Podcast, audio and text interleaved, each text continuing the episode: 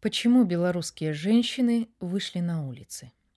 Одно из ключевых замечаний феминистских критиков в адрес женских протестов в Беларуси состояло в том, что появление женщин-лидерок, как и формирование женского коллективного субъекта, происходило исключительно реактивно, в ответ на репрессии белорусского государства в отношении мужчин.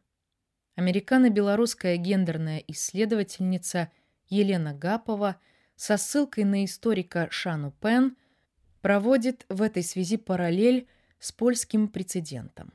Когда в декабре 1981 года после объявления в Польше военного положения были одновременно арестованы три с половиной тысячи мужчин, активистов профсоюза «Солидарность», всю работу взяли на себя оставшиеся на свободе женщины.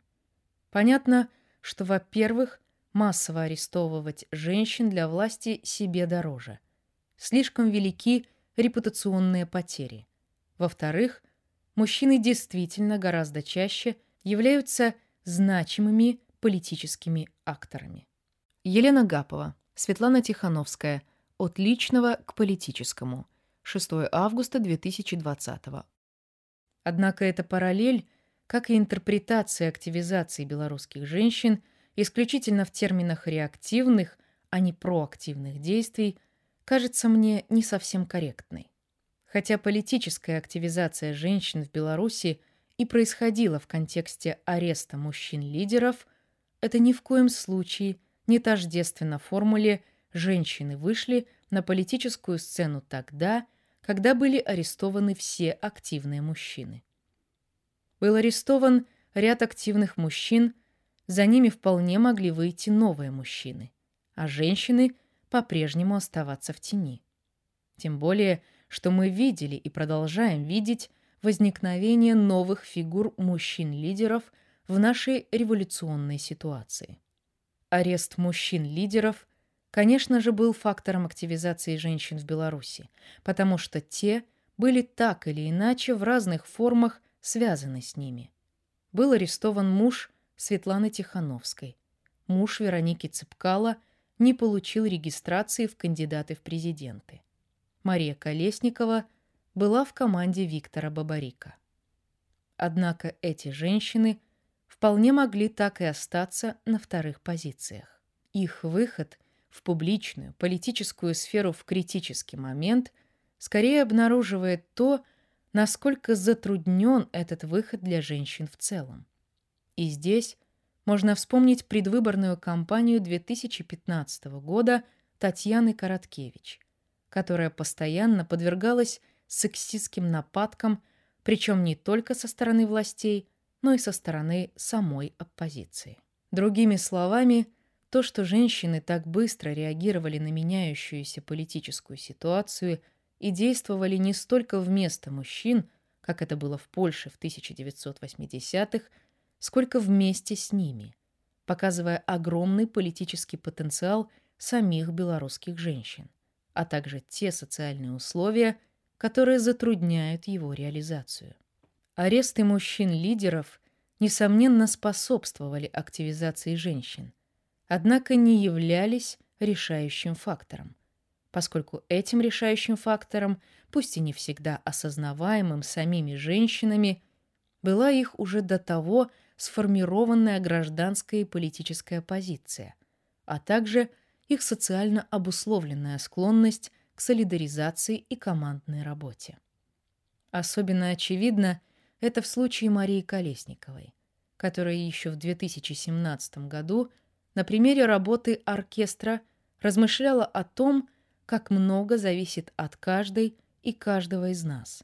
И как важно, что женщины сегодня также вносят свой вклад в социальные изменения.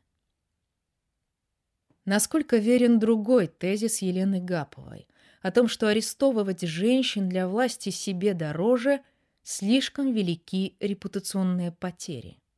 Можно предположить, что такая логика действительно работала в Беларуси до конца августа. Однако затем, после возникновения женских маршей, когда объединение женщин начало получать очертания нового женского коллективного субъекта, эта логика изменилась. Наряду с женщинами в белом и с цветами в руках появились многочисленные женские образы тех, кого задерживали с применением физического насилия и подвергали ему в тюрьмах. Нужно также не забывать о том, что политический проигрыш Лукашенко был в определяющей степени обусловлен его собственной патриархатностью и патриархатностью созданного им бюрократически полицейского аппарата. Этот аппарат не выдержал конкуренции ни со Светланой Тихановской, изгнав ее из страны, ни с Марией Колесниковой, порвавшей паспорт и оставшейся в Беларуси, чем она поместила себя в позицию, совершенно равную позиции мужского политического субъекта, если не превосходящую ее.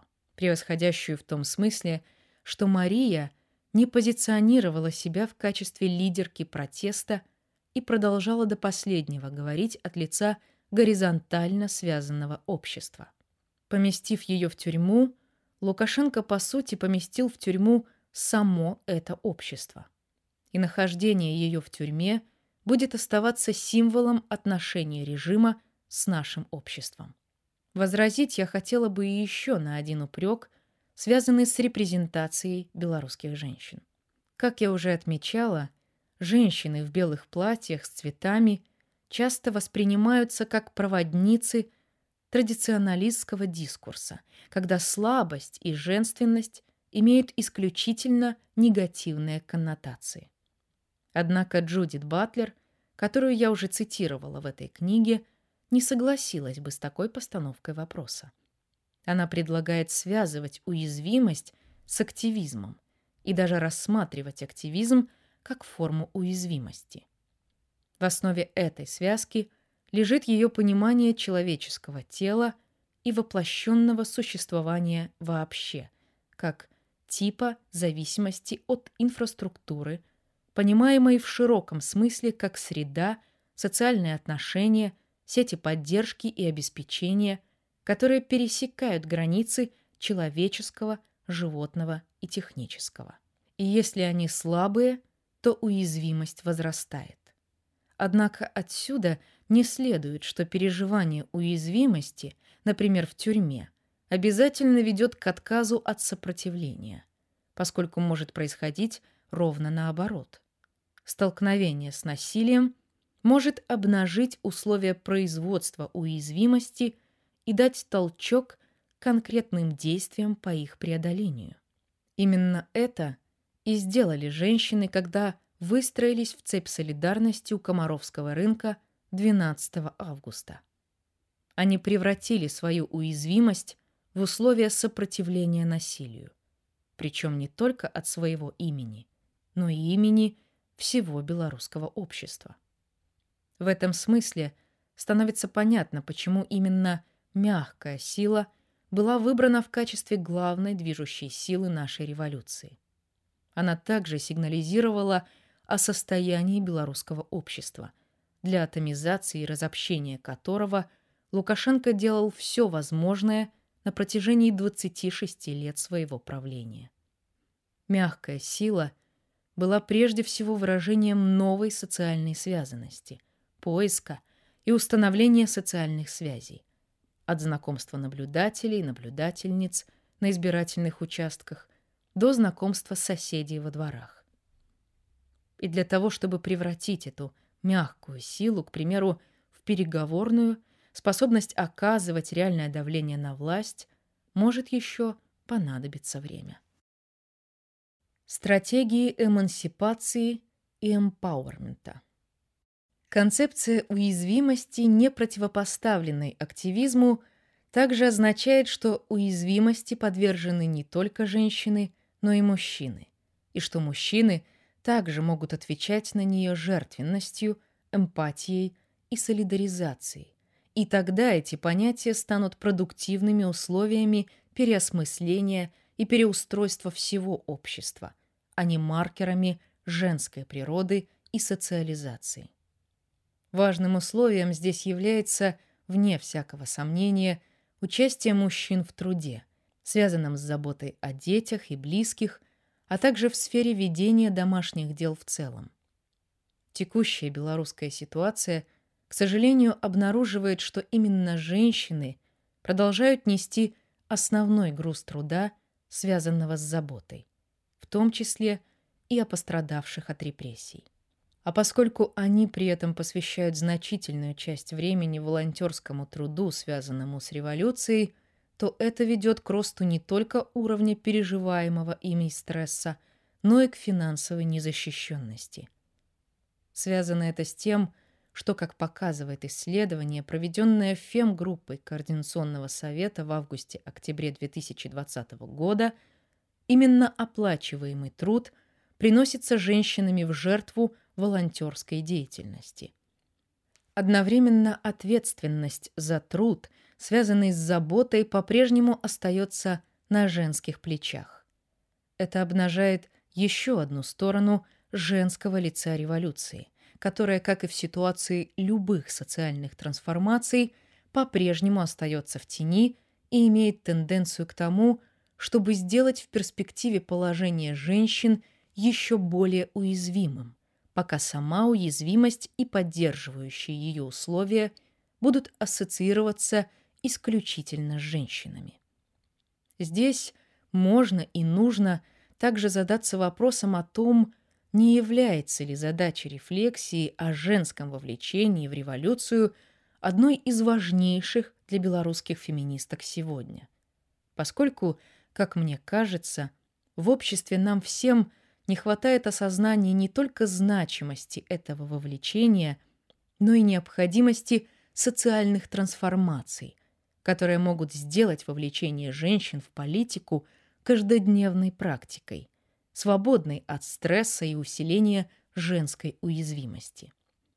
Белорусские женщины в процессе нашей Revolution in Progress обнаружили себя одновременно и как символы новых, мирных, солидарных и креативных стратегий, и в качестве индивидуальных и коллективного субъекта и то, что женский коллективный субъект коалиции в Беларуси оказался расколотым, едва ли является исключительно белорусским феноменом.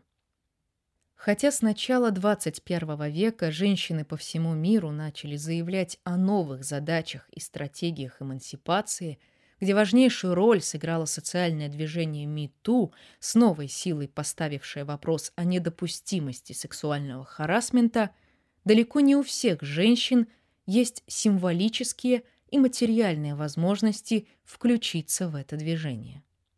Связано это в первую очередь с тем, что стереотипное отношение к женской эмансипации и феминизму в современных обществах поддерживается многочисленными социальными практиками и культурными образцами, опирающимися на оправдание социального неравенства между мужчинами и женщинами.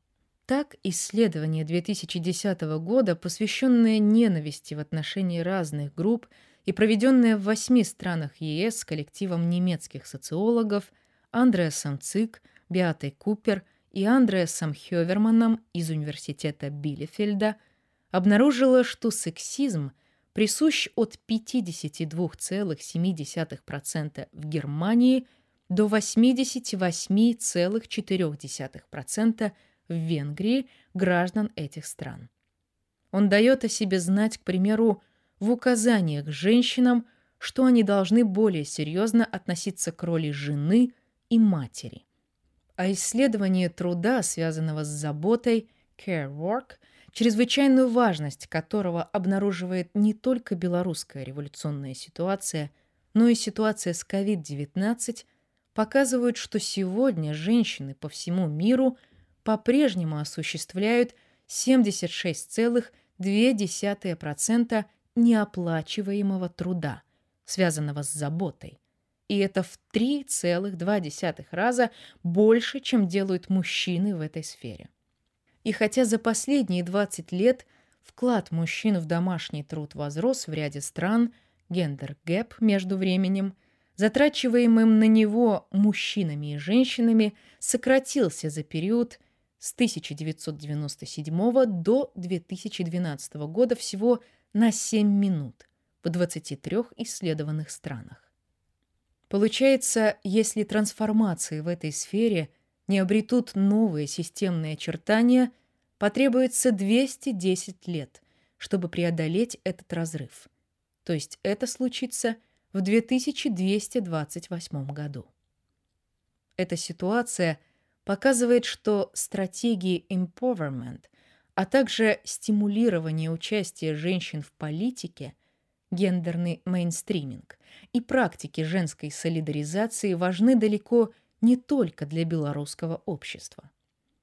Возвращаясь к белорусскому обществу, справедливо также задаться вопросом о том, что происходит с этими стратегиями и формами индивидуальной и коллективной субъективации за пределами улиц и других открытых пространств протеста. Например, внутри создаваемых для новой Беларуси протополитических структур, Координационного совета, Офиса и Кабинета представителей и представительниц Светланы Тихановской в Вильнюсе, Национального антикризисного управления НАУ в Варшаве. Не является ли вовлечение активных, ответственных и солидарных женщин в эти структуры залогом того, что мы не скатимся снова к авторитаризму? Коль скоро именно эти женщины воплощали в своей деятельности горизонтальные и солидарные стратегии действий, ставя общее дело выше своих личных политических и других амбиций. И это имеет отношение не только к будущему, к проектированию новой демократической Беларуси, разговоры о которой пока касаются главным образом конституционной реформы в целом, приватизации государственных предприятий, усиления элемента свободного рынка и в очень малой степени разных элементов социальной политики, включающие реформы систем образования, здравоохранения, пенсионной системы, собственно, гендерной политики, а также поддержки различных уязвимых групп общества. В рамках Офиса по образованию, созданного моими коллегами и мной после того, как я была назначена представительницей Светланы Тихановской по образованию, мы стараемся отреагировать на эту нехватку, обращая внимание на проблему гендерного неравенства в образовании, а также отстаивая важность делиберативных практик, то есть создания условий для реального участия граждан подготовке реформ. Вовлечение женщин в принятие политических решений имеет также отношение к протестному и революционному настоящему, поскольку у общества, я сужу об этом по встречам Светланы Тихановской с учителями, рабочими и другими социальными группами – есть запрос на картину той новой Беларуси, ради которой стоит продолжать борьбу и к которой стоит стремиться. Частью этой новой Беларуси должны стать, конечно же, и протоинституты, способные предложить сценарии и механизмы демократических трансформаций. А значит, перед нами стоит задача вовлечения женщин в их обсуждение и создание. Не является ли, наконец, обнаруженный в Беларуси потенциал женской активизации и политизации также важным уроком для европейского и даже более широкого мирового пространства, а также одним из важнейших вызовов, с которыми сталкиваются современные демократии в поляризованных обществах. Связано это с тем, что женщины, как представительницы уязвимых групп, постоянно оказываются вынуждены говорить с современными популистами, заявляющими о надуманности женских проблем. Однако они должны делать это не на языке популизма, как того требует критик популизма Ян Вернер Мюллер, коль скоро хотят отстаивать новую антипатриархатную повестку. Одновременно женщины могут брать на себя функцию представительства интересов самых разных уязвимых групп что зачастую не получается у традиционных политиков и партий, в которых все еще преобладают мужчины, привилегированные в силу патриархатной иерархической структуры нашего общества. Возвращаясь к анализу причин выхода белорусских женщин на улицы, мы видим, что ни представительство в политике, ни антипатриархатный дискурс не будут возможны, если в обществе не будут отстаиваться стратегии empowerment для женщин, а также производиться изменение тех социальных условий, которые помещают их на вторые, обслуживающие мужчин роли. Есть все основания полагать, что эта задача является важнейшей далеко не только для новой Беларуси.